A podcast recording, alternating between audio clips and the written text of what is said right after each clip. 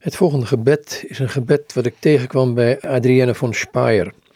Het komt uit het boekje Ontmoeting met Adrienne von Speyer, geschreven door Hans Urs von Balthasar. Het is een uitgave van Abdij Bethlehem in Bonheiden.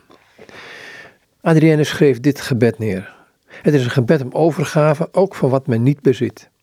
Heer, zo vaak gaf ik u wat ik in overvloed bezat.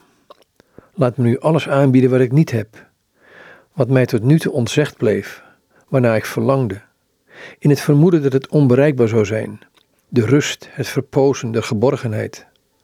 En wanneer ik nu weet dat dit alles u toe behoort en in u geborgen blijft, uw eigendom is, dan zal ik er niet meer op vragen. De leegheid van mijn onrust houdt mij niet meer bezig. In u is rust. Gij hebt ze aanvaard, ook voor mij. Zonder verlies kunt gij ze opnieuw uitdelen. In u is geborgenheid. Wie buiten u zou ze bezitten? Gij kunt ze geven. Wees geloofd. In u is aanwezig wat wij zoeken. En wat wij dachten vrijwillig te geven, was sinds het begin in u. En toch danken wij u, omdat gij het niettemin ook van ons aanvaardt. Heer, neem niet alleen wat wij niet hebben, behoud het. In het leven roepen kan alleen de Heer. Misschien laat Hij het aan ons over enkele aren van zijn ontkiemende zaad verzamelen.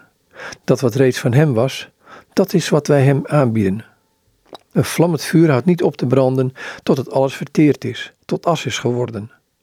Op de as let niemand. Over de aarde uitgestrooid kan zij, levenloos en verborgen als ze is, niet bevruchten.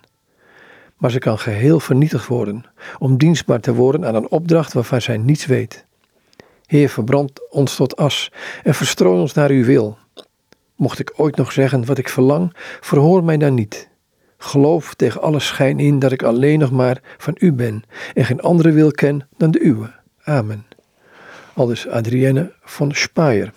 Dit was een gebed voor haar, wat terug te vinden is in een boek van Hans Oers van Balthasar, Ontmoeting met Adrienne van Speyer, een uitgave van uitgeverij Abdij Bethlehem in Bonheiden.